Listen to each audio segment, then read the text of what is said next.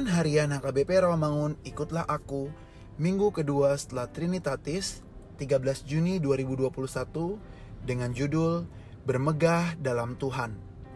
Kebenaran firman yang menjadi ayat renungan kita hari ini tertulis dalam Mazmur 20 ayat 1 sampai 10 yang berbunyi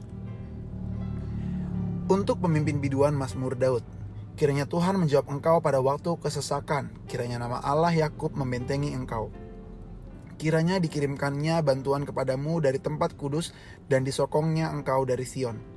Kiranya diingatnya segala korban persembahanmu dan disukainya korban bakaranmu. Kiranya diberikannya kepadamu apa yang kau kehendaki dan dijadikannya berhasil apa yang kau rancangkan. Kami mau bersorak-sorai tentang kebenanganmu dan mengangkat panji-panji demi nama Allah kita. Kiranya Tuhan memenuhi segala permintaanmu sekarang aku tahu bahwa Tuhan memberi kemenangan kepada orang yang diurapinya dan menjawabnya dari sorganya yang kudus dengan kemenangan yang gilang gemilang oleh tangan kanannya.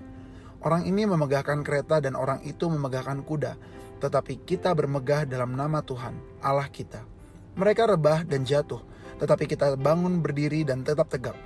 Ya Tuhan, berikanlah kemenangan kepada Raja. Jawablah kiranya kami pada waktu kami berseru. Demikian firman Tuhan. Uang memang punya pengaruh yang luar biasa sehingga orang berlomba-lomba menjadi orang yang beruang. Karena itu kita perlu lebih bijak dalam menggunakan uang. Yesus mengingatkan waspadalah terhadap segala ketamakan. Tamak yang artinya mengingini lebih dari apa yang sudah dimiliki, dapat membawa manusia melakukan hal-hal yang jahat. Karena itu fokus kita bukanlah kepada uang, tetapi Tuhan yang memberikan berkat. Tentang ketamakan ini, Yesus membuat suatu perumpamaan tentang seorang yang sangat kaya, hartanya melimpah sehingga lumbung yang tidak cukup lagi untuk menyimpan kekayaannya.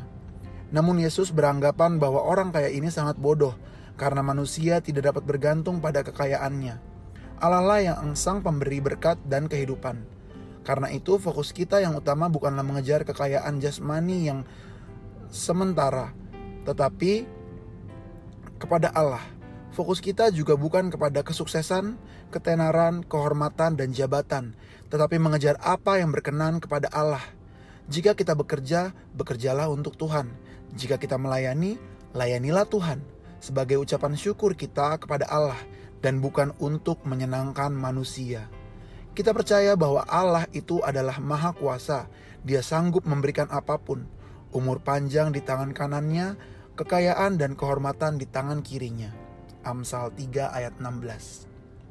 Marilah kita berdoa, Ya Tuhan, kiranya kami dapat berkata cukup akan diri kami sendiri dan mulai sadar akan kebutuhan saudara-saudara kami yang kekurangan. Amin.